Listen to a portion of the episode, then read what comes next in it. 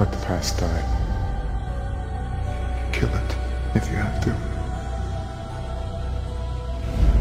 That's the only way to become what you were meant to be. Hej och välkomna till Filmosofi Podcast. Med mig, eh, Jonas Hansen och Robin Möller. Eh, hej hej. Det är kul att du alltid försöker förvränga någonting.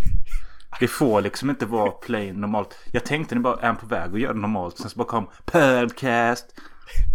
Okej, det här är Jonas Hansen från Filmosofi Podcast. Välkomna. Robin Möller är min medvärd.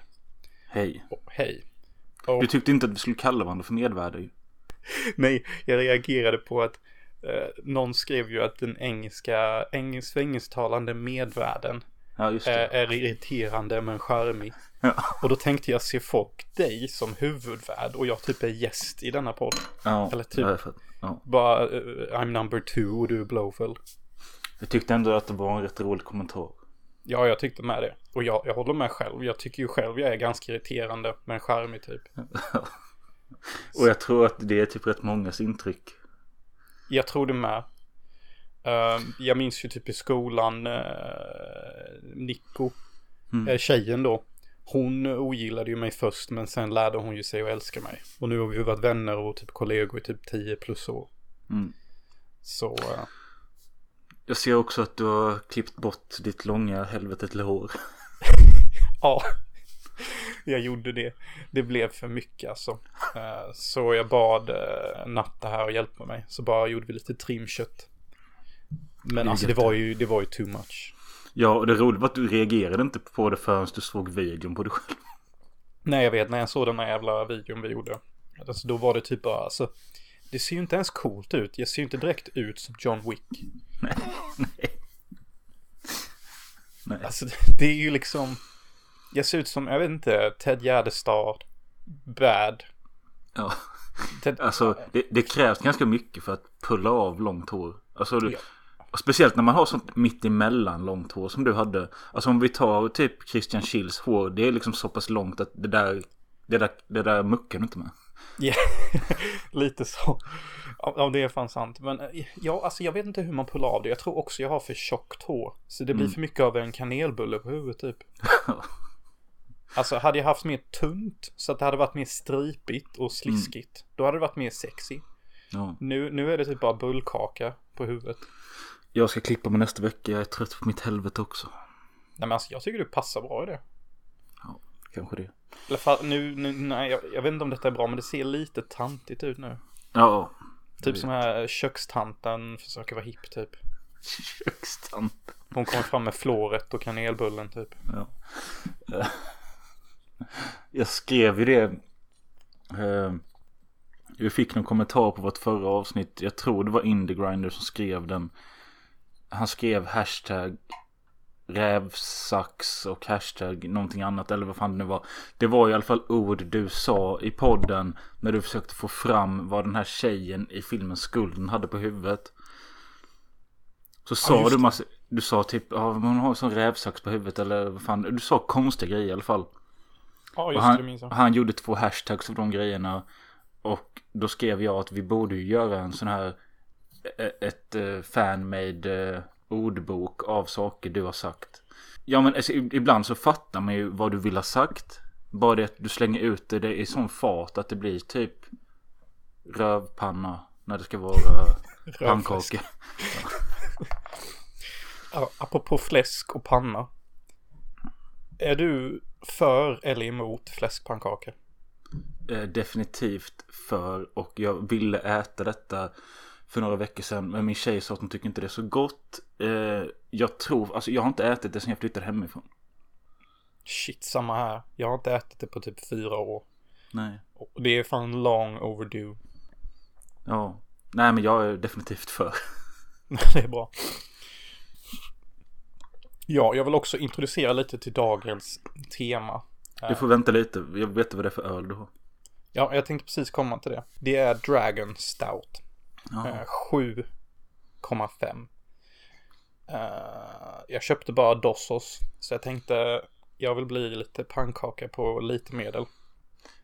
Gillar du så mörk öl? Ja, för att den har typ en ljus smak. Mm. Eh, jag har alltid gillat denna Dragon Stout. Jag, det är bara en butik i London som har denna som jag hittat. Och det är den som är typ en meter ifrån där jag bor. Jag dricker en Erdinger Weissbier. Eh, alltså en veteöl. Och eh, den är på... fan är procenten? 5,3. Rätt standard. Rätt standard ja. Eh, så jag, jag dricker ju denna i dagens ära för att jag har äntligen lyckats övertala Robin Möller att se min favorit Star Wars-film. Ja, det har ju varit ett ganska jämn fördelning av den här podden. Att jag väljer tio teman och sen får du en film. Det är så. Ja, det är verkligen så vi kör. Jag fattar inte hur du kom undan med det. Men kom undan, det är väl för att jag har så jävla bra idéer. Ja, men- Men det är alltid typ bara, och och sen så när jag väl börjar typ så här, men nu vill jag ha teman, då kommer du med din klassiker, ja men nu är det faktiskt oktober månad så då måste det vara skräckfilmer. Och då bara, ja. Då, då blir det ingenting med mina filmer då typ. Men jag lovade dig faktiskt då att du ska få Last Jedi innan året är slut. Och en Det man håller sina ord. Det är sant. I'm a man with my word. Och det, det, det. alltså anledningen till att det har varit så här jobbigt är ju för att eh, jag ja, Om ni inte redan har gjort det så lyssna på avsnitt 19 Star Wars prequels heter det så kanske ni förstår lite vår relation till de här filmerna. Eh, och jag har sedan dess sett The Force Awakens på bio. Du såg den på bio. Ja. Och jag tror faktiskt du såg den en timme före mig i ditt scumbag. För att jag såg den i Göteborg och du gick och såg den med några friends i Hyltebruk. Ja, men eh, alltså, ja, och så kände jag väl där att det här vill jag inte se mer av. Nu är det nog. Inte ens Kylo Ren. Dra in dig. Ja, vi kommer till han. Musik. Musik. Vilken jävla musik. Det är inte direkt som att jag får, eh, vad heter det? Goosebumps. Vamos amatär, vamos amatär, kompanjer. Det är svårt att slå den låten tyvärr. Eh, så ja, men... Uh, fan, nu, tappade jag helt bort mig. Men det jag tycker är så underbart när vi gjorde Precourse-podden är att eh, man kan verkligen typ känna i mig typ att barnet fortfarande är lever. Ja, det kan man faktiskt. Det Och det- är, det är precis som att jag är död och du är levande. Det är levande död podd. Ja, eh, alltså jag tycker nästan det är snudd på perfekt dag att prata om det här med för att jag drack ganska mycket igår. Eh, allt ifrån öl till absint. Och eh, när jag vaknade idag första gången vid 12 så bara skrev, skrev det bara hur läget och då skrev jag att det var ganska bra. Att, bara, fast förutom att min mage ballat ur. Mm. Efter det så bara kände jag bara fy fan vad jag mår dåligt. Sen har jag bara legat och mått dåligt i typ tre timmar. Och nu, kä- sen så gick jag upp nu, jag gick och sov från typ två till tre, gick upp, så tog jag en liten shot Gött. med någon hallon lakrits grej. Och den här ölen då för att jag vill komma igång igen. Har det hjälpt? Inte än. men nej, nej, men det jag ville komma till var att det känns ändå bra att vi ska prata om den här filmen nu då. Ja, denna filmen har ju rätt mycket ångest. Och den handlar ju mycket om misslyckanden. Och också typ om hur, hur, dåligt man kan må över när saker går fel. Men också hur dåligt det kan gå när man gör allt för att göra rätt typ. Och också typ att ibland spelar det typ ingen roll vad du gör. Du kommer må skit och allt kommer gå åt helvete ändå. Och du får bara typ lita på kraften runt omkring att den kommer leda dig rätt till slutet ändå. Det tycker jag lite är vad man kan ta hem från denna filmen bara som en pre-dialog till denna. Mm. Det man också kan ta hem lite grann är att den är ganska fånig och lite halvt eh, barnslig som alla Star Wars-filmer. Men det är ju för att det är för hela familjen egentligen. Trots att det är mest medelålders män som taggar till det. Ja, lite så är det. Mm. Så ja, ska, ska, vi, ska vi beta tag i denna och, och försöka lista ut varför det är Jonas favorit Star Wars-film? Ja, det tycker jag verkligen vi ska. Eh, och så kommer vi se i slutet om eh, jag är en fanboy nu eller om jag eh, fortfarande är en bitter gammal man.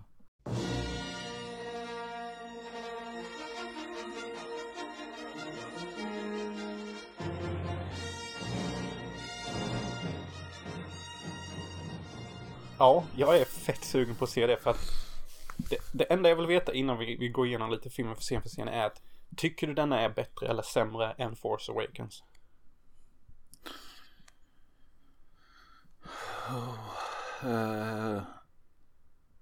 Så, alltså, det är så jävla, det är så, det är så svårt att säga för mig för jag, jag minns ingenting av Force Awakens. Ja, Okej, okej, fair enough. Jag, eh, nej alltså för mig är det liksom en film jag såg på bio, något i rymden, slut. Det känns som du typiskt du, typ, du, du ser lite laserskott och typ bara vem fan är det och va- va- varför, varför är det en utomjording typ och jaha nu är de på denna planeten jaha Ja okej vad, vad spelar det för roll? Lite så. Ja, lite Nej, så. men jag är ett stort fan av Last Jedi och jag vill också säga innan vi börjar podden att när jag såg denna filmen så är detta min favorit bioupple- bioupplevelse till idag. För att jag såg den med min gode vän Kompost, Alex, också känd som Doc Tidon. För att vi döpte han efter det från filmen, vad fan heter den filmen? Waking Fright. Waking Fright. Donald Pleasence doktorkaraktär som är ett alkoholiserat monster. Han dricker typ öl som en bäst. Och typ jagar enhörningar, nej vad fan sa jag? Sådana hoppdjur. Kängurus. Kängurus. Och typ, han är en riktig subkult. Ko- Kompost-Alex, Alex Wikström, han kallade sig komposten. Jag vet, jag har säkert dratt en historia med det för att vi brukade supa på vardagar i, i gymnasiet och en dag så eh, spydde han eh, och typ rullade runt i det eller något. Ja, Så han hade, sp- han hade spya över sin jacka med bitar på, kvar på. Och sen, sen gick vi till skolan bakfulla och jävliga. Och eh, var det inte så att någon kände typ att Alex Det var ju luktade? Jocke. Ja. Han bara, han bara säger typ mitt ut. Fan alltså. Fan vad det luktar kompost här inne. Det är ju Alex garanterat. Han Ja. sitter ju typ jämte Jocke eller någonting. Ja, fy fan. Usch. Kompost. Men vad fan säger ens kompost typ? Nej. Du, du outar dig själv som fetingbonde, du vet vad när du säger sånt. Det kanske är du som luktar kompost. Ja. Och man vill ju inte bli outad som fetingbonde. Nej. Nej. Och sen så har det nicknamet bara stack typ. Ja. Alltså han har ju aldrig luktat kompost förutom just den dagen. Nej. Så jag vill inte ni ska tro att han är typ en bäst som luktar svett. Nej, och det var ju inte svett eller det var ju spya. Ja, bättre. Mycket bättre. Ja. Nej, men det, det hände en gång och eh, ja. Mm. Så jag bestämde mig. Jag bokade premiär på denna. Det är ju tradition för mig. Jag, jag, jag vägrar bli spoilad. Jag ska alltid se alla nya Star Wars-filmer direkt. Det, det, det är tradition i min värld. Eh, så jag frågade Alex Kompost om han ville hänga med. Och han bara, jo fan, jag taggar. Så jag köpte biljetter till båda liksom. First day of air in Sweden. Men sen köpte jag också lite, lite Hashimoto. Ja. Alltså lite haschig. Ja. Lite, lite brunt. Och vi gjorde eh, chokladdryck cannabis. Och eh, vi drack det. Jag gjorde rätt mycket faktiskt. Jag gjorde typ två gram var till oss. Jag vet inte varför jag went so crazy. Och det sjuka är att vi dricker det, ingenting händer. Men när vi väl sätter oss i biosalongen och de här jävla pre-credits. När väl typ. pre-kammen börjar komma. Då jävlar börjar jag känna wow. Nu är det Pulse fucking mode. Och jag kollar över på kompost och han typ bara. Typ jag ser på honom typ okej. det kickar för honom typ. Eh, och ja, vi, vi båda är typ helt väck under hela filmen och typ bara det är explosioner och det är Yoda och vi bara wow. Men hade du förresten inte, hade du inte redan fulladdat ner den i cam då? Nej, jag gjorde det dagen efter och såg den Ja, igen. just det. Så jag gick först på bio sen såg jag Cam dagen efter. Så mycket älskade jag denna filmen. Det måste kännas som en sån jävla, alltså tråkigt att se den i cam dagen efter. Nej, alltså jag tyckte typ den var lika bra då. Jag tror jag bara ville kolla om jag fortfarande var lika in love med filmen som när jag såg den på bio. Men det där tycker jag är kul, för det vet jag att många som gör så som hittar någonting, alltså det kan vara en film eller en låt, då ser de den igen. Jag har ju aldrig gjort det. Ser du aldrig om film igen? Jo, men det får ju ta ett år eller något. Och likadant, folk som hittar en ny favoritlåt så spelar de den hela tiden, hela veckan. Och sen så är den så jävla sönderspelad att mer vill höra den. Det är ju typ jag. Ja, Alltså Eh. jag, jag lyssnar på typ 30 låtar och sen det är väldigt sällan jag bjuder in en ny låt till min skara av låtar. ja. Jag lyssnar typ bara på The Kids Are Alright, Hit Me Baby One More Time och Nothing Compares To You. Och typ Sweet Dreams Are Made of These. Det är typ de låtarna jag lyssnar på. Vilken jävla härlig playlist. Alltså det är det enda typ. Alltså försök få in någon annan låt än dem till min playlist. Typ I dare you. Nej men alltså det jag vill komma fram till det här med vilken var den senaste filmen jag såg som jag verkligen tyckte var skitbra? Wow. Eh. Ja det undrar jag med. Det känns som du är typ. Nej men jag gav ju Ja men jag såg då när vi som tillsammans, den älskar jag ju typ. Men den är också en sån film jag vill, jag vill bara se den typ var tredje år. Lite så. Dock tyckte jag det var fett kul när Simon bodde i Halmstad. Alltså grannen. Och han Mm. hade den på repeat hela tiden. Ja. Alltså sånt gillar jag med typ. Alltså vissa filmer ska liksom bara vara på. ja. Och gå i bakgrunden typ. Men om vi tar ett annat, vi, Irreversible satte jag en femma på. Rätt stört. Den känner ju att, ja men typ också typ var tredje år, rätt lagom. Ja. Ja, det är typ var tredje år jag ser filmen. Och eh, varje det, gång har jag det känns ju som att, nej för det känns ju som att när du hittar, vilken film var det du snackade om sist typ? Ja men vi säger, du ser ju typ Goldeneye hela tiden, du ser typ Ja, Dark Knight hela tiden. Ja, ja. Ja, Alltså, vissa filmer jag ser hela tiden. Och det är Blade, Goldeneye, Dark Knight, Lord of the Rings, Matrix, eh, American Beauty. Ja, de ser jag typ hela tiden. Alltid en gång varje år. För att det är typ mina fucking favorites. Så jag bara liksom dubbelkollar varje år. Älskar du fortfarande de här filmerna? Ser du något nytt? Och, och varje gång jag ser de här filmerna så blir jag alltid påmind om aha, det är därför jag älskar film. För att de här filmerna älskar jag bara mer och mer för varje gång jag ser dem typ. Jag är ju mer rädd att jag inte ska älska filmen fortfarande, så därför vågar jag typ inte. Wow. För mig är typ glaset halvfullt och för dig är det typ halvtomt. Det är lite den attityden typ. Lite Jag så. köper, jag köper det men alltså på ett sätt om du slutar gilla filmen, vad är det farliga? Nej, jag vet inte. Det är väl att jag får sänka mitt betyg på Letterboxd och det syns. Ja, och då, då märker du hur äldre du blir, hur mer cynisk du blir. Till slut så är det bara två. Ja, tänk så ser man. Ja, fan, tänk så när jag blir 70 och livet bara har varit ett rent misslyckande. Så bara ser jag Golden och jag bara 2 av 5. Ingenting betyder något längre. Nej, fy fan. Den dagen hoppas jag inte kommer. Nej, och så spelas Nothing Compares to You på din begravning. Ja, det, det kan vi göra faktiskt. Okej. Vad var, var mörkt och roligt att du nyss valde min eh, begravningslåt. Ja. Vilken ska vara din? Uh, ja, det får du bestämma. Girls, girls, girls. Fy fan. Vad jävla man-pig. Ja, ja, ja. Nej, men kanske, kanske deras finaste låt. Vad heter den? Home Sweet Home. Ja. I'm on my way. I'm on my way home sweet home. Det är precis som att jag alltid velat dö typ. Nej, men har du inte skrivit ner den innan så så tar jag den. Det, är- det, det är fan nästan bud på att göra en Patreon-podd med typ, alltså på riktigt göra begravningslåtar. Typ så här tre stycken som vi skulle kunna tänka oss. Mm, det kan vi göra. Ja, vi får se. Eh, Star Wars Episod 8, The Last Jedi. Vi kommer, gå, vi kommer gå igenom denna filmen genom mina anteckningar jag skrev under filmens gång. Som typ är en beskrivning för varje scen. Absolut. Och eh, vi får flika in liksom, ja, under tiden. Men då har jag skrivit att den börjar med en vanlig sån rullande text som eh, Det är väl ett, alltså Det är ett ganska det, jag kan uppskatta det som ett grepp för liksom direkt, fyra sekunder så vet du att detta är en Star Wars-film och de gjorde, etablerade det redan i, i film fyra. Ja, det har varit sen första filmen faktiskt. Ja, precis. Och självklart så fick ju min tjej vara med lite och tittade och hon bara Alltså Ska man se dem i en speciell ordning eller vad, vad Alltså vilken kom först och varför kom det så och Och jag kände bara att.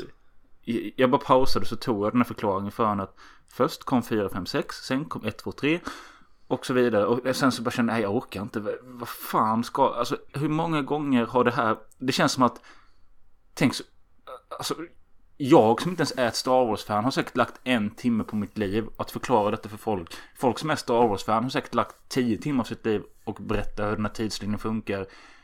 Och det känns som en sån jävla waste of tid. Jag känner att jag har lagt minst två timmar av mitt liv på detta. och jag tycker det är fett jobbigt och jag säger alltid typ samma sak nu.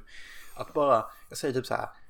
Se dem i ordningen de gjordes. Skit i titlarna. För att alltså, alltså, det spelar ingen roll om episod 4 är den fjärde filmen i, i en niologi. Nej, man du får ju ska se. se filmerna i den ordning den gjorts, annars blir du spoilad fett mycket. Ja, precis. Eh, ja, och sen då introduceras vi till någon karaktär som kallas för General Hugs. General Hux.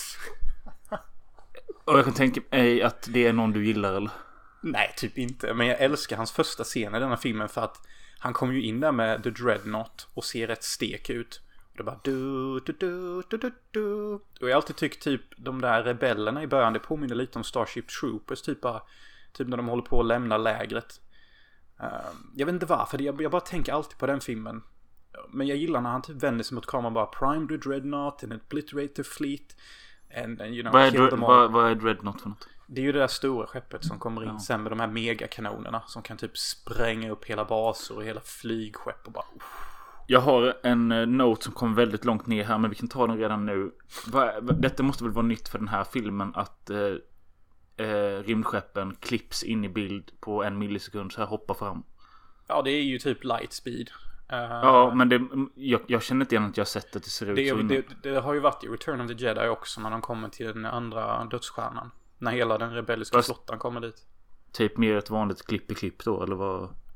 Ja, Alltså det ser typ likadant ut men... Jag tror att de bara försökte göra det så att det såg mer modernt ut i denna. Men det kanske mer ser eh, weird ut. Jag har inte sett Return of Jedi på aslänge. Jag reagerade på att det ser lite konstigt ut. Alltså jag förstår, jag förstod att det skulle föreställa att det går jävligt snabbt men jag vet inte. Ja, lite random är det. Eh, ja, General Hux är den här gingern då. Ja, feting Ginger. ja, Han är ju inte fet, men han är Ginger deluxe. och jag fattar typ inte om han är ond eller god men jag antar ond. Det roliga är också att General Hux är eh, han som blir kär i eh, Alicia Vikander i den här robot-AI-filmen. Jaha. Ja. Och han som kommer att utmana honom i X-Wingen sen, eh, Poe, Commander Poe. Ja, Det är han som är den som eh, Skapat. han som skapade Alicia Ja. Vikander. Så det är lite kul. Jag såg dock inte att Hux var han. Nej, han ser lite annorlunda ut. Och jag, jag borde- kan inte skådespelarnas namn. Jag kan bara att Poe heter Oscar Isaac. Jag vet Ja, inte vad precis. Hux heter. Men eh, man kanske borde se om X-marken snart. Den är jättebra. Det är också Jag har bara sett den, jag har bara sett den en gång. Bro, det är också en av dem jag ser typ varje år. Ja, och det är en sån film jag är rädd för att se om. Bro, bro, bro, de du är rädd för att se om är de du ska se om. Okej. Your Sen heart. då, så efter fem minuter så kommer en sån här standard flygande laserfight. Standard? Ja. Standard? Vad menar du med standard? Nej men alltså det, det är precis som andra filmer. Det är inte standard.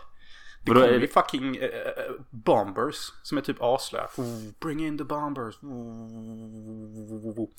Och en av de bombersna, du vet, de kommer in med sådana rymdskepp då som ska släppa bomber på den här dreadnoughten. För att Leia som är ett större skepp bort riskerar att bli exploderad om inte de spränger upp det här stora skeppet.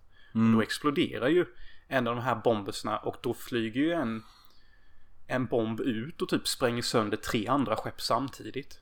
Mm. Du såg det också va? Ja, jag känner igen det. Ja, Men, och sen eh, så tar han en asiat av sig masken typ och typ bara flåsar. Och typ bara shit. Jag tycker den scenen slår mig alltid lika hårt varje gång att shit, krig dödar människor. Det är ingen annan film som får mig till att reagera på samma sätt som i Last Jedi i denna scenen. Därför Jag är tänk- den inte standard. Nej men jag tänker, jag, får- jag tänker ändå lekstuga typ. Nej men alltså det är inte så här bara typ att de får mig känna bara War, what is it good, for? Det är typ så jag känner i denna scenen. Det är enda Star Wars-scenen som får mig att tänka på att War, what the fuck is it good for? Bring it up uh, Chris Tucker. Yeah, who? Lee. Lee. Yeah. What is it good for? Absolutely You know nothing. nothing about no war. Everybody knows war. Who? Yeah. What it is it good for? Absolutely nothing. Good God, you are. It ain't you all, it's y'all. Y'all. Y'all. Y'all. You sound like a karate movie. Y'all. Y'all. Say it from right here with some soul. Y'all. Y'all. Y'all. Y'all. Eh, ja men sen så får vi en liten scen med Leia då, eh, den åldrade Carrie Fisher, hennes sista roll. Eh, dog hon under inspelningen eller dog hon efter? Vet Efter, du? precis efter. Okej. Jag tycker detta faktiskt är hennes bästa roll jag sett. Jag tycker hon typ nästan är höjdpunkten med Luke Skywalker i denna filmen. Okej. Jag kände inte så mycket för henne. alltså, Du är hård. ja men alltså visst jag tycker det är så här, ja, men det är väl fint att eh, hon var med här och ja, eh, det är sorgligt att hon dog för ung. Um, hon Hon satt ju, är typ 70. ja okej då, men eh, ja men ja, vad ska man säga? Hon har satt ett avtryck i världskartan och det är Leia och eh, det är väl alltid något. Det är ju mer än vad någon av oss har gjort än så länge. Ja, så vi precis. ska vara ödmjuka till hennes bedrifter. Ja, Eh, hon verkar ju inte ha haft ett särskilt lätt liv om man läser lite om henne. Jag tror Man till kan ju hon- se i hennes koksnagel i Return of the Jedi. Ja, jag vet. Det är en klassisk grej att hon hade problem där. Ja, och det är, det är en sån kul liten trivia typ. Också i scenen där Leia och Han Solo anländer till eh, Cloud City i Empire Strikes Back. Eh, man kan se att de är väldigt glada och lynniga. Och det är för att de dagen innan hade festat med Rolling Stones tror jag. Och de var Alltså. fortfarande typ höga och fulla. Så det är därför de typ ler och pussar varandra och inte riktigt beter sig som att de precis flytt från Imperiet. Sån trivia är rätt kul. Ja, det tycker jag med. Till skillnad från den här filmen när jag tänkte jag ska gå in på trivia på IMDB och kolla om det finns något kul att plocka upp. 270 olika trivia-grejer och jag bara scrollade igenom bara, det tar aldrig slut. Jag vet inte vad jag ska välja, jag orkar. Jag har faktiskt inte läst Trivian på Last Jedi så mycket. Det började med att, eh, ja vi kan komma till det, skitsamma. Men, Men ja, eh, sen är det krig igen och en asiatisk tjej introduceras ihop med karaktären Finn som också var med i förra filmen. bro, bro, bro, bro. Hold, hold up. När den andra asiatiska karaktären typ offrar sig och spränger upp skeppet så att Leia och de kan fly. Är inte det typ John fucking Woo Go Star Wars med slow motion och tryckknappen och hon, hon, hon grabbar sin medaljong. Det är som en terrorist typ. Det är heroisk terrorism typ. Det är så sjukt att se sånt. Don't remember. Shit, shit, shit mannen. mannen. Ah, ja, okej, skit i det då. Och Vi introducerar... tro, ja, men jag säger, jag säger det både till dig och till lyssnarna. Tro mig nu, alltså jag försökte titta på hela filmen ordentligt. Jag förstår. Jag förstår. Okej, ja ja. Men de, de lyckas spränga upp det där skeppet och de lyckas fly ut i rymden. Leia, Poe och alla goda. Ja, men den här då med den här asiatiska tjejen som är den värsta fangirl till Finn. Mm. Eh, men jag fattade inte riktigt det heller. Så hon är fangirl. Och sen så typ försöker hon ändå typ kidnappa honom. Men så blir de ändå polare. Saken den är att Finn ska ju försöka fly. För att hämta Ray. Hans kärleksintresse då. Han är, han är en riktig sån friendzone loverboy. Som vill ha Ray. Och Ray är ju på Lukes ö och ska få någon jävla träning där. Ja, och det har jag skrivit här. att Sen, sen klipps det till den här ön. Där Luke är till någonting som vi kan kalla jorden. Nästan. Det ser ut som någonting vi kan relatera till. Och det gillar jag mycket mer än att vara uppe i kriget. Du bara, welcome to earth. Ja. God. Och ja, Ray och Luke håller på med, hon vill, väl, hon vill bli en jedi och Luke säger typ att det inte finns någonting som heter jedi längre. Ja, jag, jag måste bara fråga. När Ray går fram och ger han honom lasersvärdet. Hur fan reagerade du när han kastade det över sin axel och bara går iväg? Det är rätt coolt. Bro. Mental high five. Jag kommer ihåg när jag såg det i bion. Och jag bara wow. Wow. Och jag bara, jag älskar detta. Det var det enda jag tänkte typ. När, när jag såg det tänkte jag att Ryan Johnson, som då är regissören i den här filmen. Du är den regissör jag respekterar mest på hela jorden. Och mycket av trivian på IMDB började med att Mark Hamill hade sagt till Ryan Johnson att jag tycker inte om någonting du har gjort med Luke, Lukes karaktär. Men jag, jag är villig att gå med på att göra det för att bevisa typ hur fel du har eller något sånt. Ja, han, han, han sa ju till mig typ att jag kan inte ens se detta som Luke Skywalker utan jag är Jake Skywalker. I said to Ryan, I said, Jedi's don't give up. I mean, even if he had a problem, he would uh, maybe take a year to try and regroup. But if he made a mistake, he would try and right that wrong. So, right there, we had a fundamental difference. But it's not my story anymore. It's somebody else's story. And Ryan needed me to be a certain way to make the ending effective. That's the crux of my problem. Luke would never say that. I'm sorry. Well, in this version, see, I'm talking about this, the George Lucas Star Wars. This is the next generation of Star Wars. So I almost had to think of Luke as another character. Uh, maybe he's Jake Skywalker. He's not my Luke Skywalker, but I had to do what Ryan wanted me to do because it, it serves the story well. But uh, listen, I still haven't accepted it completely, but it's only a movie. I hope people like it. I hope they don't get upset. And I came to really believe that Ryan was the exact man that they needed for this job. Och jag tycker nästan att den här bitterheten Mark Hamill känner för att spela denna rollen lyser igenom. Men passar ändå på något sätt vad Luke Skywalker har hamnat. Rent Ja. känslomässigt. Ja, alltså jag hade inte alls någonting emot. Nu är inte jag lika insatt i hans karaktär. Alltså jag vet inte om han är off-karaktär. Men liksom människor förändras och har man varit med om skev skit så kan man ju bli vem som helst. Tack. Det var det enda jag tänkte när jag såg filmen första gången och tyckte att han var ju rätt grumpy i första filmen. Alltså, han ställer sig och kollar ut på solen och vill bara bort. Är i Ja. sina egna tankar typ och, och typ bara är väldigt introvert och typ krossar sig själv med sitt egna inre. Det är ju inte förrän Obi-Wan dyker upp som han kommer ur sitt skal och typ blir lite mer äventyrlig. Förresten, dog Han Solo i Force Awakens eller varför är han inte med här? Han dog i Force Awakens. Ja, okej. Han dog i Force Awakens. Eh, men den här ön i alla fall där Ray är och vill bli tränad till att bli en jedi. Den introducerar också några små figurer som kallas porgs och eh, jag kanske är en lame liten flicka men jag tyckte de är söta och coola. Jag tycker det med men. De är skitcoola. De är som en blandning av en pingvin och en råtta eller någonting. Ja. Eller en pingvin och en bäver typ som flyger. Eh, jag, min min eh, line, eh, eller min kommentar här, jag har bara skrivit "S- söta små figurer kallas tydligen porgs. Ja, de är, de är fett cute fuck. Eh, och hela den här ön, den känns jätteliten men känns väldigt... Eh, det, jag tycker om när vi är på ön. Ja, ön är det bästa i hela filmen tycker jag. Ön är verkligen höjdpunkten av filmen. Men sen klipper vi tillbaka till rymden och då kommer vi till mannen som ser ut som att ha en väldigt oattraktiv vagina rätt i facet. Han kallas för Snoke. Aldrig hört någon säga det.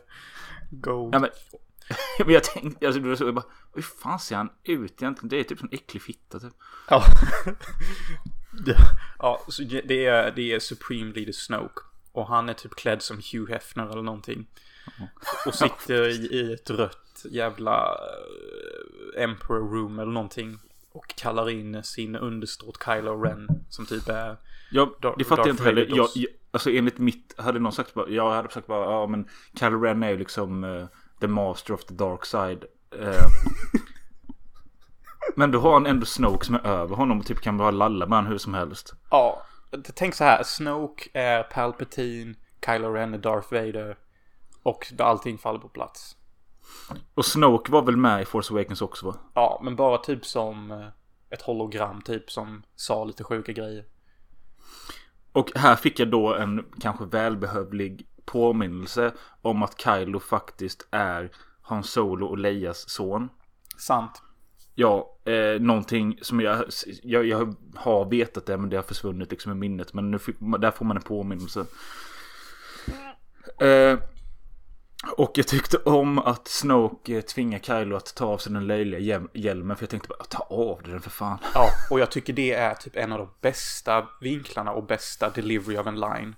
Du vet, han skriker inte sin line eller någonting. Han bara Take that ridiculous jag har alltid tyckt den deliveryn är så kall och bra. Och, man, och, och det, det, jag älskar Ryan Johnson skrev säkert det för att han tycker att masken är fjonig. Och han vill bara ha bort den för att i hans värld så är inte Kylo Ren sån här. Men sen är det också väl för att jag kan tänka mig ur ett manusperspektiv eller för att man vill eh, man kanske inte vill att han ska vara bara Darth Vader 2. Exakt. Och det var ju det Eh. Ryan Johnson sa typ när han skrev det. Typ bara, jag vill, eh, han ska vara sin egen grej. Ja. Och det blir han ju ganska enkelt genom att bara vara en svarthårig Emo-unge. Ja, emo-unge med ett ärr i ansiktet typ. Yeah, bara, you have Men- too much of your father's heart in you, John Solo. Eh, ja, och Kylo Ren... he-! Kylo Ren heter egentligen Ben Solo. Ja. Ja. Och Jag, jag, älskar jag bara lägger in sådana grejer ifall någon som lyssnar inte har, eller har lika dålig koll som mig. Så försöker jag hjälpa till att Kylo är Ren är, jättebra. Ben Solo. Ja. Det är jättebra att du gör det för att jag har ju sett de här filmerna till döds. Och Ja. här introduceras, introduceras vi till första tematiken i filmen. Det är, det är i denna scenen filmen får sitt theme. Någonting som jag tycker har saknats från alla Star Wars-filmer ända sedan Empire Strikes Back. Eh, Det är att man kan känna att denna filmen har ett budskap. Alltså när man ser filmen så kan man dras med i en lärdom. I, i en form av filosofi. Och det är när, när Snoke ger han elektriciteten och säger You failed. Typ, du, du, du fucking misslyckades. Alltså även fast du gjorde rätt och dödade Han Solo. Så är du nu svagare än innan. För att du kände inte att det var rätt typ. Och här introduceras vi till första karaktären som får sitt första misslyckande bara kastat i ansiktet. Mm. Och det, Ja, är, alltså, det är jag, starkt. jag, jag förstår vad du menar med allting som skapas och den här filosofin du pratar om. Men jag tror att för att uppskatta det fullt ut så måste du vara mer engagerad i karaktären och storyn än vad jag är. Ja, det är, det är väl fair assumption faktiskt. Får jag nog ge. Eh, vi åker tillbaka till bergen, eller a.k.a. jorden. Och eh, där ser man att Ray vandrar bland klippor. Ja, och i bakgrunden där så ser vi ett sjöodjur som hoppar upp i vattnet och gör, alltså det ser ut som typ Loch Ness. Loch Ness eller vad fan det heter. Den nya parfymen. Loch Ness. För dig som vill vara mystisk. Något jävla sjöodjur som studsar i bakgrunden. Och precis där så tänkte jag bara Dit ner vill jag. Jag vill se sjöodjur action. För det där Ah. ser Det där ser spännande ut. Vi kommer aldrig dit i filmen. Varför visar de den lilla teasern om att det är ett stort hemskt där i vattnet? Jag vet inte, jag tror det var bara för att skapa Vet du vad jag pratar mer- om? Ja, jag vet vad du pratar om. Jag tycker det är fantastiskt. Jag har alltid gillat den här delen väldigt mycket på ön. För, för att det, det, hon vandrar runt och kollar på vad Luke gör. Och Men vad gör han? Han fiskar. Men vad gör han sen? Han, han trycker ut mjölk från en alien-tutte. Och dricker det direkt som en äkta bonde. Vilket kanske är typ det bästa i hela filmen. Ja, det är det. Och jag älskar när han dricker och han gör den här minen. Han bara... Alltså man ser bara hur motvilligt Mark Hamill gör detta typ. Och det bara passar karaktären så bra. Det är en jävla alien sjöko typ. Ja. Han bara... Mm. Han bara, jag dricker denna tutten som en slav till Disney typ. De har mig, jag kan inte säga nej. Det är så synd så- om han. Men det ser så jävla gött ut med att det jävla konstiga mjölken hamnar i skägget på han typ och... Ja. Det, det känns alltså, det- jag, alltså jag förstår om så här riktiga jävla Die Hard fans bara känner bara Vad fan är detta för något? Det här skulle Luke aldrig göra. Men Medans- han är ju en bonde för helvete. Det är så här man dricker mjölk. Ja, och det, jag vet inte om detta är något som känns out of character men Jag tycker det, det, det, det känns som en scen som kanske kommer lite från out of nowhere Men För mig gjorde det att bara okej nu kan jag fan hålla ut en halvtimme till. Se, jag sa ju det. Jag sa att Luke... Jag sa att Mark Hamills karaktär skulle ge dig någonting. Och han är den bästa i filmen. Och, Men vad vad- vad är den generella uh, åsikten om den här bröstmjölkscenen? Alltså, den generella åsikten är att alla hatar detta. Jaha. Alltså, det, alltså folk har gjort en timmes långa YouTube-videos där de desikerar detta och tycker detta är fel. Och de tycker att Ryan Johnson bara förnedrar karaktären. Dock tycker jag det är lite fint att även fast alla förnedrar karaktärsvalen så är det ingen som snackar skit om Mark Hamill själv. Alla Nej. tycker att Mark Hamill har gjort ett jättebra skådespelarjobb med materialet. Det de kritiserar är just bara materialet. Ja. Ja, jag fattar. Och folk hatar detta. Alltså, det, alltså det, det, finns, det finns miljoner timmar där folk bara går igenom den här scenen och bara He killed Luke. Luke would never be this gross. Ryan Johnson, you're a fucking devil. Fuck you, fuck you, fuck you.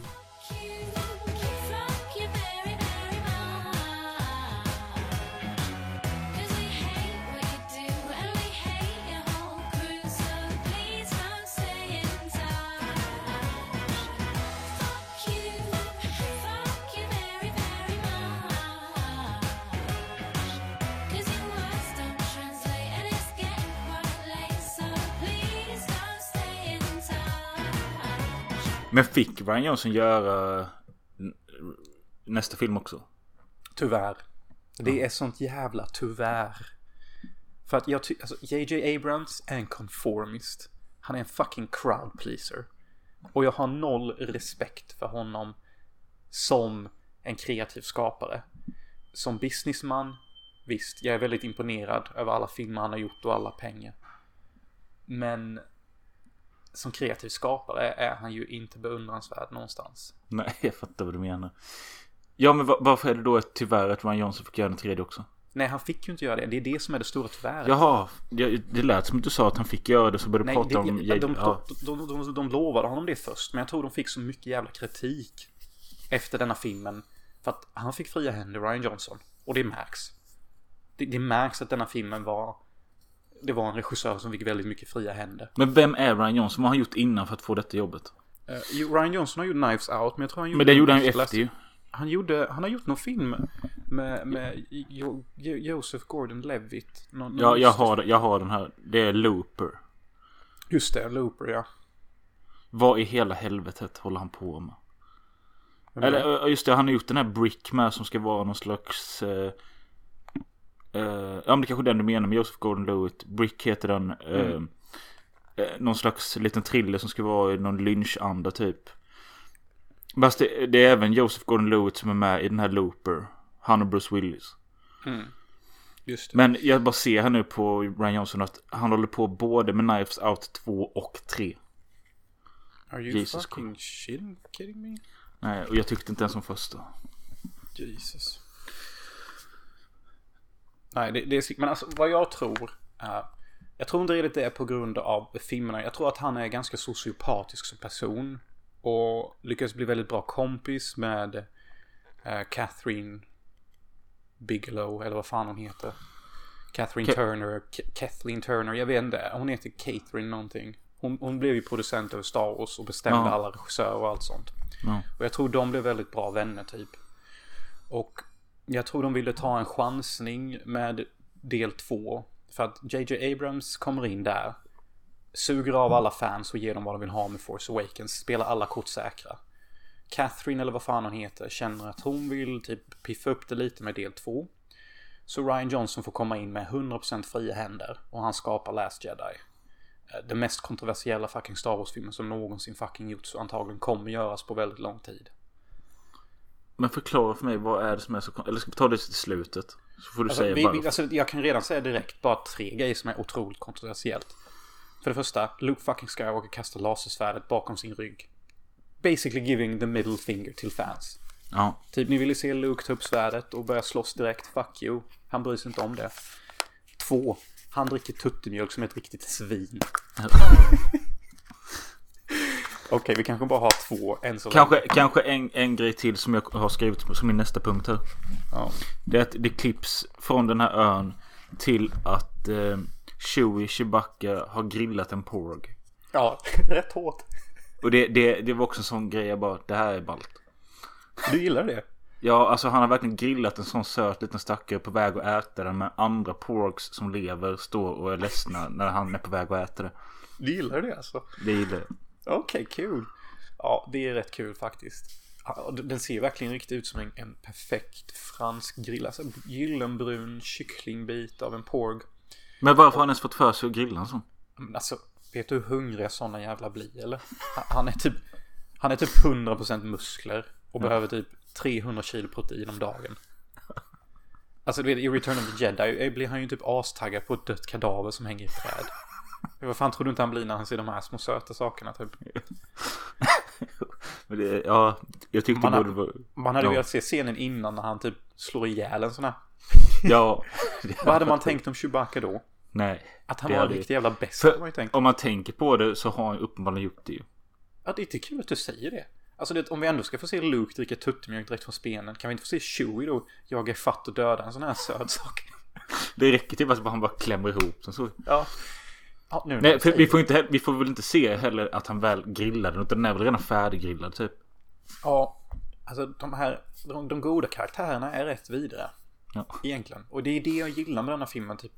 Det är nästan de goda karaktärerna som är värst. Typ. Ja. Sen händer någonting. Eh, Efter vi haft lite, lite kul med bröstmjölk och att han grillar porks. Så hamnar Leia i koma och jag förstår inte varför. Jag kommer inte ihåg varför. Okej, så Snokes fucking supership kommer in då och, och interceptar uh, eh, Leias command ship.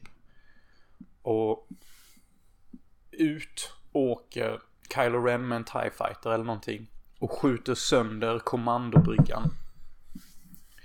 Uh, där Leia är. Och då dör ju också Admiral Akbar från uh, Return of the Jedi, fiskmänniskan. Det tänker man inte på. Nej. It's a trap! Jaha okej, ja, ja. Ja, se. Alla vet den. Kan det bara från Family Guy? Ja, ja. Eh, och Jag, jag tycker detta är jävligt bra när Kylo eh, förstör kommandobryggan för att han håller på avtryckaren. Men väljer att inte skjuta. Men så kommer två andra TIE Fighters bakom och gör jobbet åt honom. Ett starkt moment. Och briljant skrivet. Alltså det, alltså, jag älskar hur den här filmen bara kan vara en 5 av 5 från att sen byta till att vara 1 av 5. Också en annan anledning till varför jag har så stor respekt för Ryan. Eh, och ja, då flyger ju Leia ut i rymden. Men sen när hon är i rymden. Hur reagerar du när hon blir Mary Poppins? Tredje anledningen till varför folk hatar den här filmen. Vadå, vad hände? Hon är ju ute i rymden och svävar runt. Men Ja. sen så använder hon kraften för att ta sig tillbaka till Just det, ja, ja men ja. Det är lite coolt. flyger hon. Du tycker det är coolt? Ja, lite när du säger det. Men när jag såg det, fan. Jag tyckte också det var coolt. Men detta är ju typ tredje anledningen till varför folk hatar den här filmen. För de tycker det ser för jävla skumt ut. Att hon flyger som Mary Poppins i rymden tillbaka till skeppet. Hur många gånger har du sett den här filmen? Typ 16 gånger. Det är sjukt. Ja, ja, Alltså- jag, den enda film jag sett så många gånger är ju typ, ja, med Söken och Class of 99 typ. Se, det är ju dina favorite movies typ. Och de slutar du ju aldrig hata, eller hur? Nej. Nej, se, se, du har ju Dos favorite films. Dock kan jag säga det att senaste gången jag såg Class of 99 när jag gjorde en podd med Robin Anderssons filmfett-podd. Då kände jag att nu har jag sett den här kanske lite väl mycket. För, Oj. ja. Ja, det är tungt. Men ja, hon hamnar i koma på grund av det. För att ja, är man ute i rymden ett tag, det är jävligt kallt i rymden. Jag tror det är typ så här typ 70 minusgrader eller någonting, vad fan vet jag. Eh, och så det, det gör att hon hamnar i koma. Och eh, då, då kommer Jurassic Park-flickan in. Admiral Ja. Holdo. Laura Dern dyker upp har skrivit här. Och det tänkte jag, okej. Mölle kan kanske uppskatta att Laura Dern är med i denna. För du gillar ju liksom Blue Velvet och hon Ja. generellt. Och... Eh, eh, men jag har ändå lite... Jag har inte svårt för Laura Dern. Men jag bara kände att... Jaha. Jag vet inte. För det roliga var att... Så tänker nu så jag säger rätt. Nej, skitsamma. Men jag och min tjej såg... Vi såg lite, eller hon såg inte hela denna men... Eh, vi såg en film antingen innan denna eller efter denna. Och då, typ alltså, vid samma speltid, en annan film. Så bara dyker Laura Dern upp igen som en likadan karaktär typ. Eh, och jag bara känner att vad fan håller hon på med? Känner du det för att hon dyker upp i typ en lila klänning och ser ut som en social justice warrior? Ja men kanske, jag vet inte. Jag känner bara att jaha, ska vi introduceras till ännu en karaktär när jag inte kan hålla reda på de som är där? Ja. Jag, jag, tycker denna karaktären är kul för att hon introduceras och sen så säger hon massa jävla bullshit-saker. Som inte betyder någonting. Och, och, och- och Commander Poe reagerar direkt. Typ bara alltså vad är vår plan? Vad fan händer? Vad fan ska vi göra? Och hon typ bara Keep to your post and fuck off. Ja, hon är ju typ, hon, hon, hon kommer dit och typ rör om i grytan på ett negativt sätt. Ja. Så mycket, så, så mycket tog jag in att hon vill komma dit, visa att hon har bättre idéer och att eh, eh, Oscar Isaac, du får fan lägga av med det du gör, du får göra det jag säger istället. Weren't you demoted last No. time I spoke? I know trigger fly boys like you. You're impulsive. You're dangerous. Det, det, är, det är lite kul. Alltså, hade någon annan kvinna än Laura Dern gjort den här rollen så hade jag inte tyckt om rollen. Men bara för att jag har sån respekt för Laura Dern och typ gillar vad hon gör med sitt face. Så, så alltså, det är kul att se henne. Alltså, hon Ja. var i Blue Velvet, hon var i Jurassic Park, nu är hon i Last Jedi. What the fuck. Det, det är lite den feelingen. Eh, ja, hon funkar väl. Sen får vi då reda på att detta kanske är gammal information för er nördar. Men eh, då får vi reda på att Ray och Kylo har en telepatisk kraft. Ja, de, de typ kan Skype-calla varandra, video-Skype-calla varandra genom kraften och kolla på varandra. Jag tycker det är en av de bättre delarna i filmen. Men jag fattar inte, är, är Kylo liksom en jedi och eh, Ray har möjligheten till att bli det och därför kan de göra detta? Eller, vad, eller är de syskon? Ray är ju jedi. eh, Och Kylo är ju typ någon form av Sith, vad fan vet jag. Alltså jag kan inte så mycket heller, för att de förklarar inte så jävla mycket. Jag får ju typ anta ganska mycket. Ja. Eh, Men Kylo är någon form av Sith, Ray är någon form av Jedi. Eh, Men vi får ju också reda på sen senare i filmen vem, det är som faktiskt gör denna kopplingen mellan varandra. ja. Men ja, de, de kan typ Skype-kalla varandra. Hon från jorden och han från rymden. Då Men det här vi kallar jorden, vad ska det föreställa att vara? Det är ju Ark 2. Det är ön. Och det Mm. är typ en ö som typ består. Det är typ en planet som bara består av öar. Små öar. Alltså den, det den har inget signifikant betydelse. Signifikant betydelse har Mm. den ej. So says Yoda.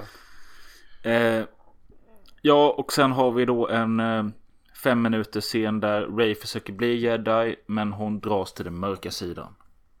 Mm, och jag tycker denna, detta är en av de scenerna, alltså, jag tycker denna filmen har typ sju scener sammanlagt som är bara så här så otroligt jävla briljanta i klippning och skådespel och tematik och detta är en av dem.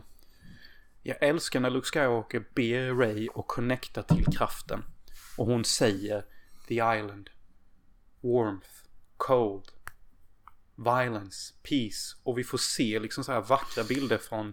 Det, det, det är väldigt snyggt klippt och det, påminner om något jag inte kan sätta finger på, men någonting man har sett i kanske i... Ja men vad fan, har, är, det, är det inte lite så typ i... Eh, Nymphomaniac kör väl lite så med? Ja, lite så. Vi får liksom se så här typ hur, hur, hur sprouts växer upp i marken. Ja. Fast footage lik National Geographic. Fast det är liksom klippt som en arthouse-film typ. Och, och varje gång jag ser detta så tänker jag bara helvete. Det är det här. Detta är vad Star Wars behöver. Lite fucking art. Ja. Men eh, sen blir ju Ray CP typ och, och, och hon börjar fantisera om något hål. Som ser ut som ett stort anus som är på ön. Och hon vill liksom dyka in i det hålet och Luke bara Resist it Ray! Resist Ray! Och hon bara hoppar ner i hålet mentalt och typ bara It showed me something. Och, och Luke typ bara It showed you something you needed. Something you wanted. Bla bla bla. Jag fattar ingenting typ. Nej, och så, det är därför jag, jag, jag gillar... Alltså, jag, jag tycker den här scenen är snygg så som du säger. Men jag tycker inte riktigt om det här, vad ska man kalla det, ett surrealistiskt element av att hon fantiserar om att hon dras ner i mörkret i det här anushålet du nämnde. Men ändå är det egentligen bara mentalt, men ändå så är hon helt blöt sen. Ja, alltså. Det enda jag kan säga är ju The Force. Ja, okej. Eh, jag ska hämta en ny öl, sen ska vi dra på kasino.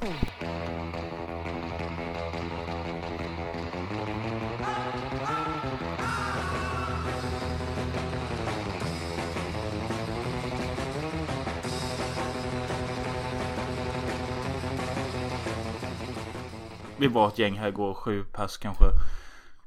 Och drack till, jag vet inte, två, tre. Alla stack hem, jag och min tjej kollade på något på tv. Vi slutade dricka då men sen la vi oss och sen så vaknade vi upp och hon, visst hon är några år yngre än mig men hon, eh, hon är aldrig, jo någon gång kanske det har hänt men jag är alltid mycket dödare än henne. Eh, så liksom nu så var det ju precis liksom att jag var tvungen att dra en shot för att orka podda medan hon har druckit en eh, Fanta och ätit lite och nu är hon väg att åka skidor. Wow. Alltså skulle jag gjort det idag, jag hade dött bara när jag satt på mig kläderna. Ja, Ja. samma här alltså. Ja. Ja, Jag är inte sån längre. Nej. Förra veckan, bara för att knyta in lite eh, så vi kan relatera till varandra, så var jag ute med Lorenzo Mm. på, på typ så här techno pub, typ spybar. Och min rygg. Jag bara, är jag 80 eller? Jag var tvungen att sätta mig ner i klubben. Få typ vila ryggen. Ja. ja. Vi blir inte yngre. Nej, verkligen. Vad dricker du nu? Cider? Eh, rekordlig, faktiskt svensk sida, såld här i London. Rekorderlig. Rekorder, ja. Ja, rekorderlig. Men ja, jag vet du säger att de säljs där. Det är ju kul.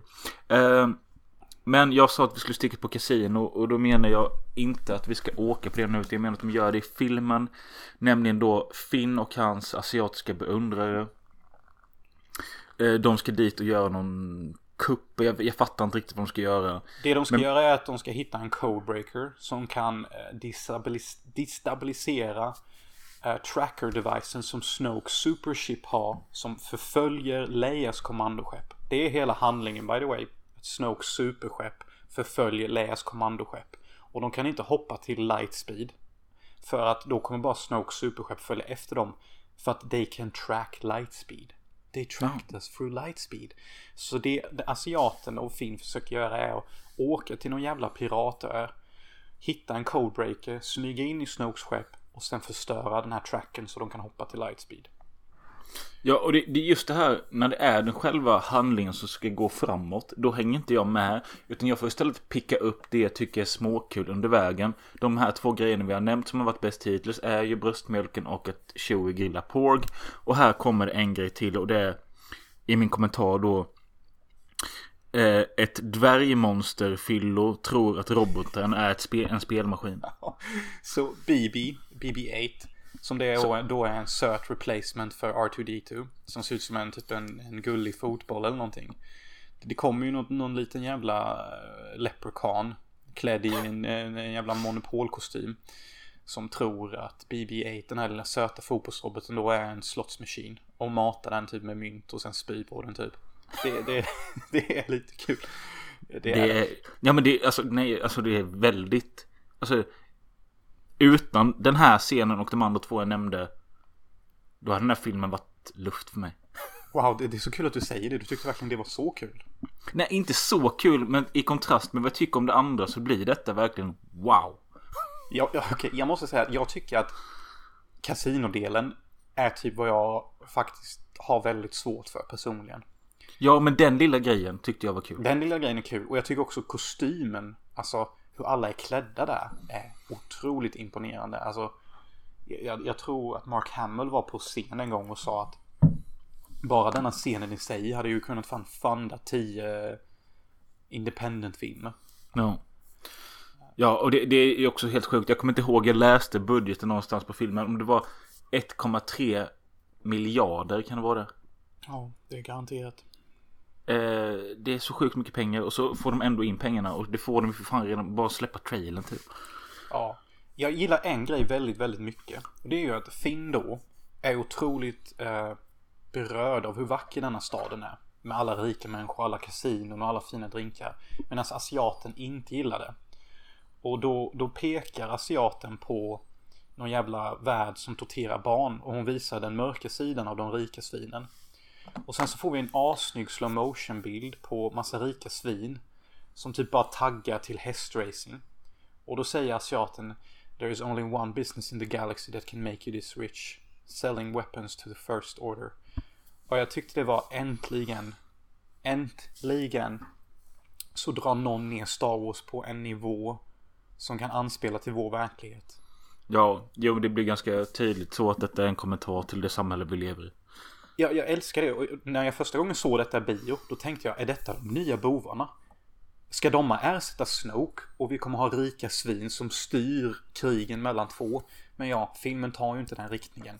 Men i den stunden i typ en minut så trodde jag det. Ja. Och det hade varit mycket bättre. Och här introduceras vi ytterligare till en karaktär, nämligen DJ. Spelas av Benicio del Toro och jag kunde inte bry mig mindre. You can help you out. Alltså det är så the jävla... first order.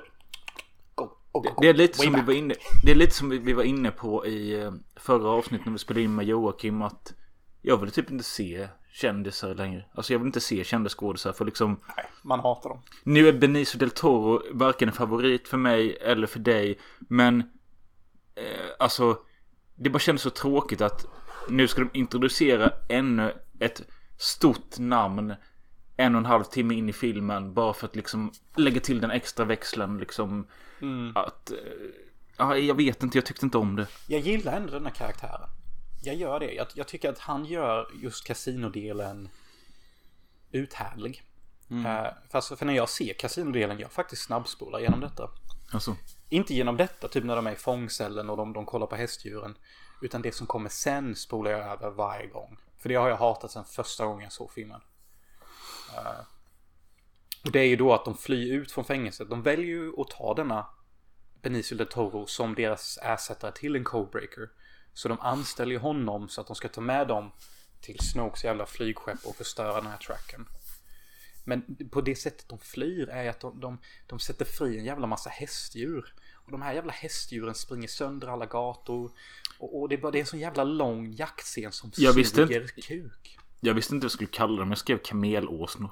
Ja, kamelåsen är det bästa jag hört. Det, det är fan vad de är. Eh, och det, det, jag må vara platt, men alltså jag tycker ju om de här eh, varelserna de skapar. Ja. Eh, men sen om de fyller så mycket funktion vet jag inte. Men jag, Ja. jag, Vad vad fint du säger det för att ja, hästdjuren är faktiskt rätt fina och söta. Men alltså bro. Det är nu jag kommer ner till din nivå.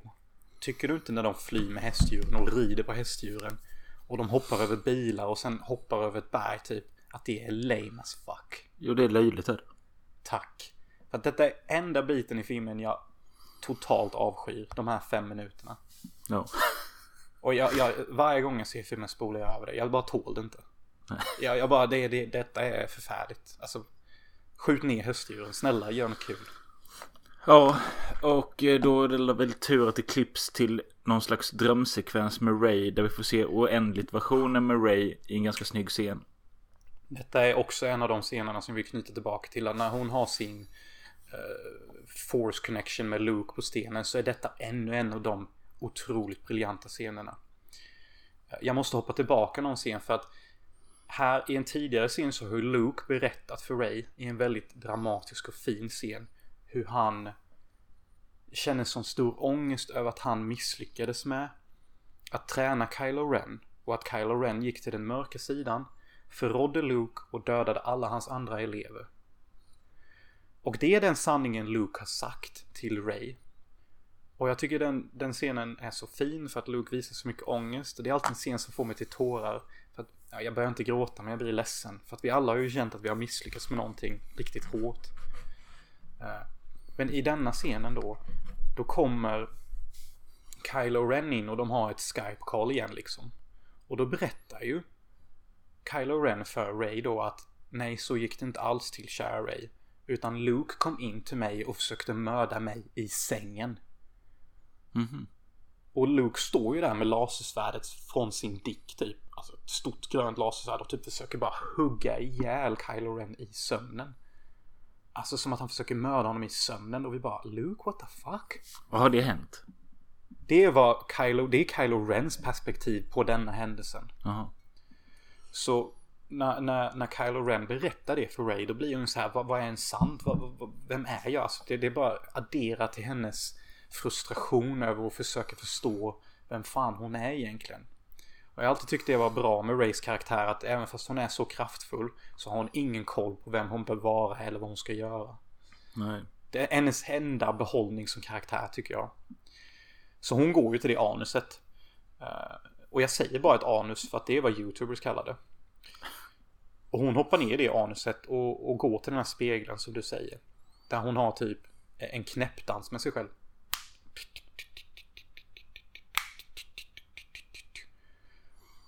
Och då försöker hon ju fråga vem är mina föräldrar, vem är mina föräldrar? Hon ser bara sig själv. Hon har typ inga föräldrar. Och hon tror att hon skulle finna svar här på ön. Vem hon var, var hon kom ifrån. Vad hon har för betydelse. Nothing.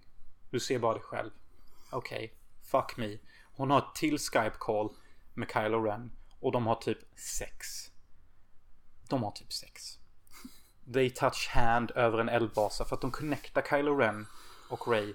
För att Kylo förstår henne och hon förstår honom. Luke, som pappan som går upp till tonårsbarnen, upptäcker dem och säger stopp. Sluta. Sluta ha sex över Skype typ. Det är typ symboliken i detta och det är så briljant. Det är så briljant. Ray får typ damp, börjar slå Luke. Luke börjar slåss med henne. Det är hjältar som slåss mot hjältar. Vad fan är detta på väg någonstans?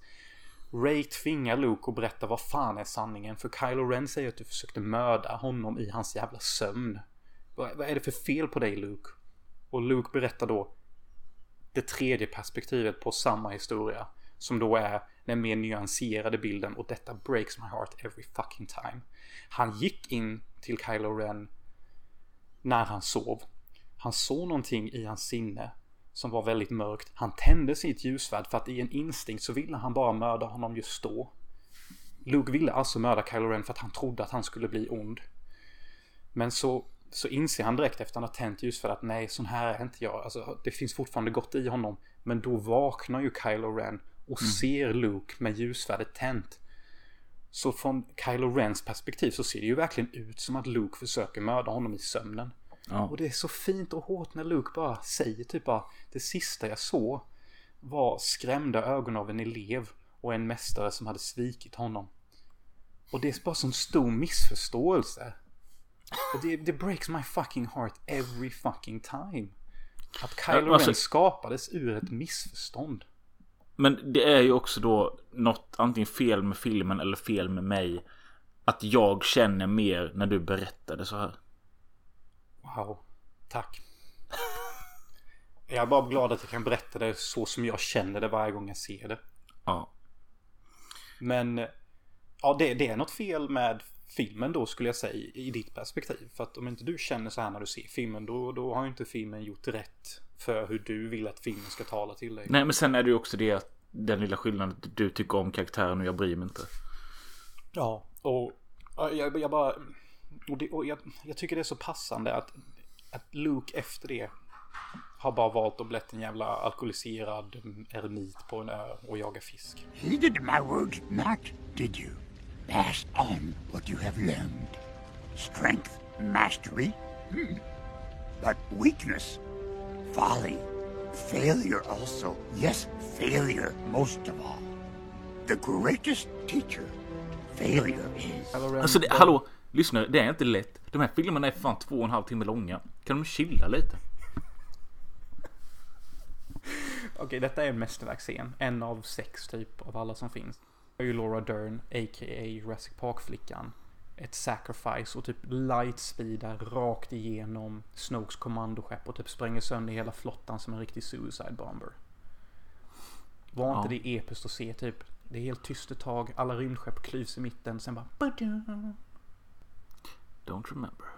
Jesus fucking Christ. Skit i det, det är det, är det bästa Nej men det, jag tycker det, det talar för sig själv vad jag, vad jag, hur svårt jag har för de här typen av filmerna. Alltså jag kommer inte ihåg det fast jag har på riktigt suttit och tittat på det. Och det är bara några dagar sedan. Ja, ja, ja, jag vet. Jag Ja. Eh, det händer någonting här efter jag inte riktigt vet. Men det, min nästa kommentar jag har skrivit är att min tjej sa att den här filmen är ju perfekt för en tioåring. Eh, och det, det är ju vad jag kan säga om alla Star Wars-filmer. Att jag tror inte jag har kvar tyvärr det barnasinnet i mig att jag kan uppskatta det. Hello, darkness, my old friend. I've come to talk with you again. Because a vision softly creeping left its seeds while I was sleeping. And the vision that was planted in my brain still remains within the sound of silence. Ja, alltså det finns, jag, det finns sådana här jättestora kända böcker. Alltså jag vet att du håller på nu tar igenom Är det krig och fred eller brott och straff? Du tar igenom, ja. Ehm, Brott och straff. Ja. Av eh, Drojovskij Sjukovskij. Typ den mest kända ryska Dostojevskij. Är det? Dostojevskij? Ja, ah, skitsamma. Men jag menar. Det känns som att. Okej nu vet det är inte ens kanske ett bra exempel. Men det finns sådana här jättekända böcker som är kända för att de är så pass djupa och svåra att ta sig igenom. Och att det finns faktiskt folk som har tagit sig ge- igenom dem och förstår dem. Så känner jag att jag blir imponerad av dig att du har tagit igenom det. Du förstår detta universumet. Thank you. ja, jag... Ja, jag känner mig stolt över att jag kan göra det. Och jag är ungefär typ 200 sidor in på brott och straff av den här ryske författaren som hade otroligt mycket ekonomisk ångest när han skrev boken. Och det märks när man läser boken. Och det känns jobbigt att läsa själv. För att även Men läser du? Du lyssnar på ljudbok? Jag lyssnar på ljudboken. Men det är typ som att läsa. Men det, det jag tycker är jobbigt är att även fast den här boken skrevs för 150 år sedan. Det är inte så jävla mycket skillnad i hur ångest upplevs från tid till tid. Nej. Alltså jag Det vet är- knappt vad brott och straff handlar om. Det handlar om en, eh, en snubbe i vår ålder som har ekonomiska bekymmer. Och försöker göra allt för att komma ur det. Samtidigt som han har alkoholiserade vänner. Och överväger att göra ett stort brott för att få snabb ekonomisk framgång. Alltså det är en bok om dig. Ja, det är det. Det är det jobbiga. He waked up late next day after a broken sleep. But his sleep had not refreshed him. He waked up bilious, irritable, ill tempered, and looked with hatred at his room. He was in the condition that overtakes some monomaniacs entirely concentrated upon one thing. Nastasia sat down beside him on the sofa and began chatting.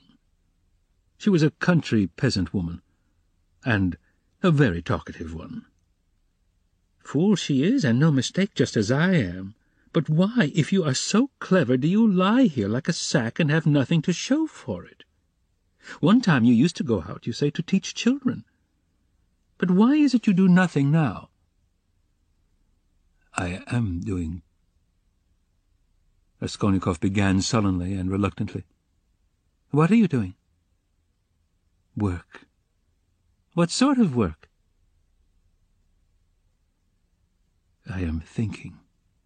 Nastasia was overcome with a fit of laughter. She was given to laughter, and when anything amused her, she laughed inaudibly, quivering and shaking all over till she felt ill. And have you made much money by your thinking? She managed to articulate at last. One can't go out to give lessons without boots. And I'm sick of it. Don't quarrel with your bread and butter. They pay so little for lessons. What's the use of a few coppers? He answered, reluctantly, as though replying to his own thought. And you want to get a fortune all at once? He looked at her strangely. Yes. I want a fortune.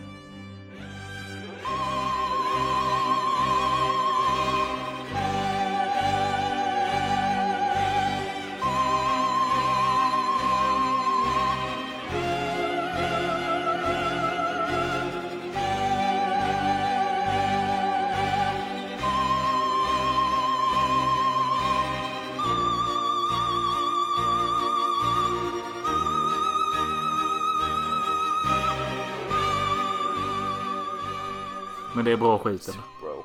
Någon måste göra filmen om detta. Det är det enda jag känner. Ja. Det är riktigt Ja, bra men skit. tillbaka till, tillbaka till slutet på Star Wars. Yes. Alltså, det, alltså... Ja, du har ju berättat lite vad du, vad du... Du har ju förstått det, men för mig så skrev vi bara diverse fighter i en evighet. Ja. Det är typ. Det är typ. Du är typ en dad. Du har typ två söner och, och en fru och en hund. Och detta är din kritik på filmen. Även det var fighter i diverse evigheter och någon dog och någon levde. Men fan bryr sig typ. Ja, det är det. för- jag skrev först Luke dör, sen skrev jag Luke dör inte. Nej, han blir ju ett Force Ghost. Men jag, jag tycker... nej, Och det är också så fint när han ber om ursäkt till Kylo. Och vi får den här jättefina extrema närbilden på Mark Hamills ansikte. Som jag tycker är den bästa bilden i hela filmen. Mark Hamill har ett väldigt vackert ansikte. Och, och Ryan Johnson har typ bara lyckats fånga det så perfekt typ. Men det är vad jag tycker i alla fall. Ja, och sen så slutar typ filmen. Jag tyckte det var skönt när det tog slut. Okej, vad, vad tar du med dig från filmen då? Vad jag tar med mig från filmen det är att jag fortfarande inte förstår Jo, jag förstår precis vad alla tycker om. Men bara det att det alla tycker om tycker jag inte funkar alls. Jag trodde ändå du skulle gilla denna filmen mer med tanke på kontroversiella. Ja, men det, det, det gör jag. jag. Jag tycker den är, den är bättre än Force Awakens. Yes. Eh, den... Eh, bara på grund av de här små underhållande stunderna de har. För de här eh, småscenerna som vi har nämnt som jag tyckte om.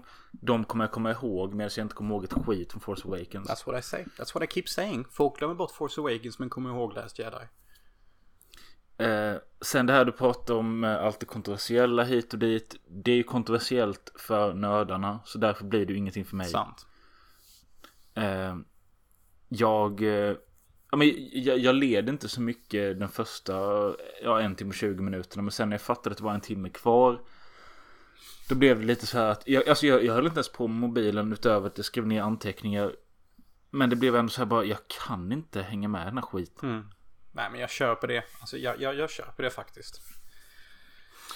Det gör jag. Och liksom jag, jag är till och med villig att köra Rise of Skywalker om ett tag. Wow. Bara för, bara för att. För mig är Rise of Skywalker bättre än Force Awakens. Men inte bättre än Last Jedi. Och jag tycker Rise of Skywalker är ganska kass. Uh, mycket bättre än Force Awakens men ändå inte så himla bra. Och liksom, jag vet ju att när jag var liten så kunde jag, alltså då uppskattade jag ju typ fyran, femman, sexan.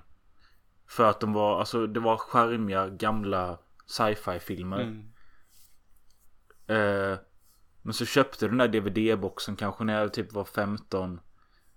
Och skulle se om dem. Och då bara kände jag det där. Det var typ då det klickade till till mig. Bara, det här gillar inte jag. Det var då du typ blev vuxen och dog. Det var då barnet dog inom dig. Ja. Nej, ja, ja. Jag förstår det. Nej, men för mig har typ aldrig det Star Wars-barnet dött. Och... Eh, Det, det, det släpptes något, eh, släpptes ju ett spel i, i samband med eh, eh, Episod 1. När det släpptes Phantom Menace spelet. Det spelade jag ganska mycket och det tyckte jag var roligare än att se det film. podracer-spelet. Ja. Ja. Det spelade många. Det spelade till och med jag när jag var liten. Nej, inte podracer-spelet. Man, man, är, eh, man är Ben Kenobi och han den andra. Ben Kenobi? Anakin Skywalker? Obi, nej, Obi-Wan och den andra. Alltså Liam Neeson och eh, Evan McGregor är man. Jaha, det. Det är ju otroligt Man- gammalt. Man, man spelar gäddaridarna som hoppar runt och slåss. Ja. Shit, jag spelade aldrig det faktiskt. Nej. Och det, jag har sett det på YouTube. jag, jag tror att jag, jag spelade nog bara demo som kom med glassbilen eller något och jag körde det om och om Fan igen. vad kul. Jag lyssnade ju alltid på kassettbandet.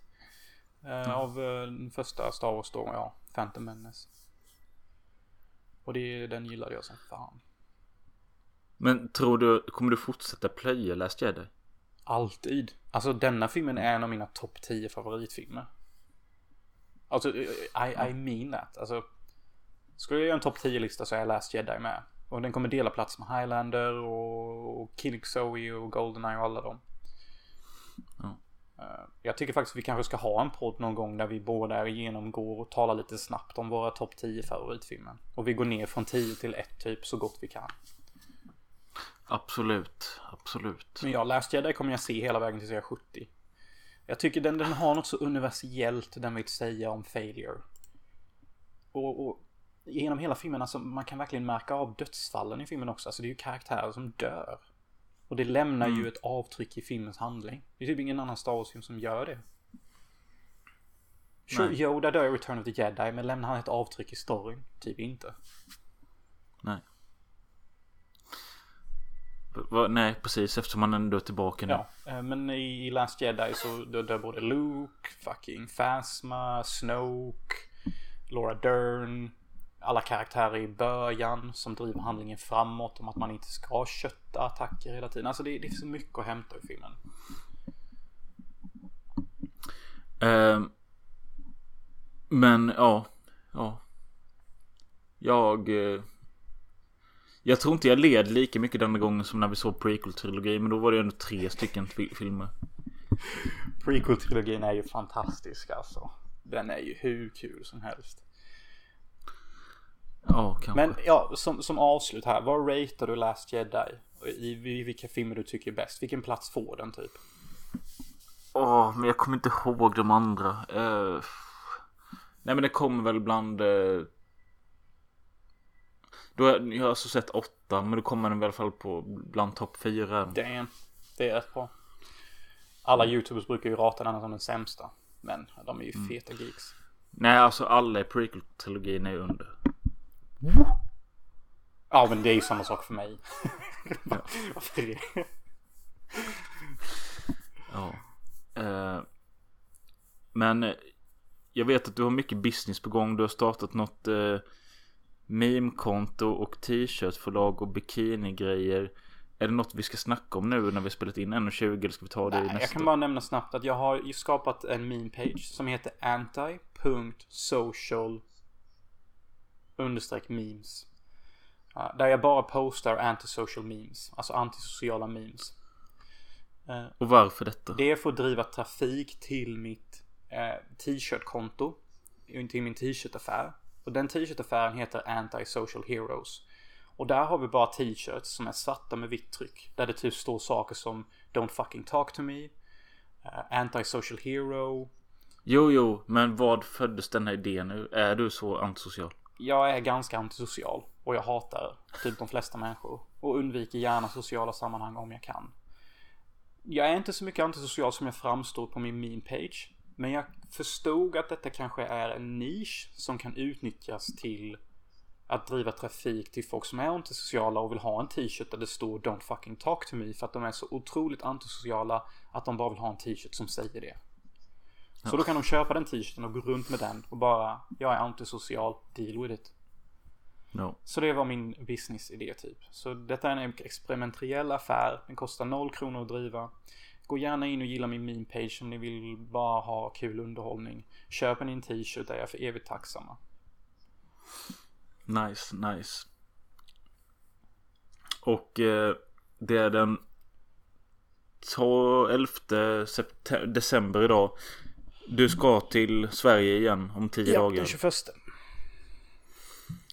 Nice. Eh, för du tänker kanske att vi väntar med nästa avsnitt tills du är här. Yes box.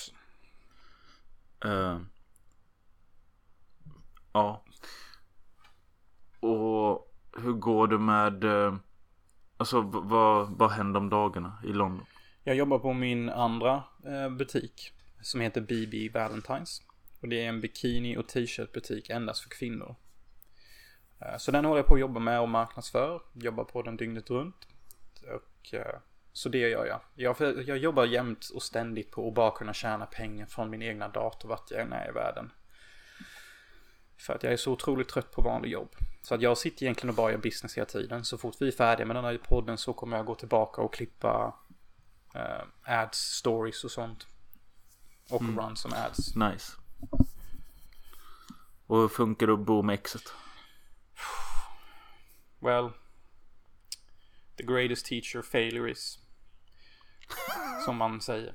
Så det funkar ungefär så. Eh, Jag sa någonting så perfekt till Lorenzo häromdagen. Jag sa typ bara att eh, visa sig att bo med sitt ex var svårare än jag trodde.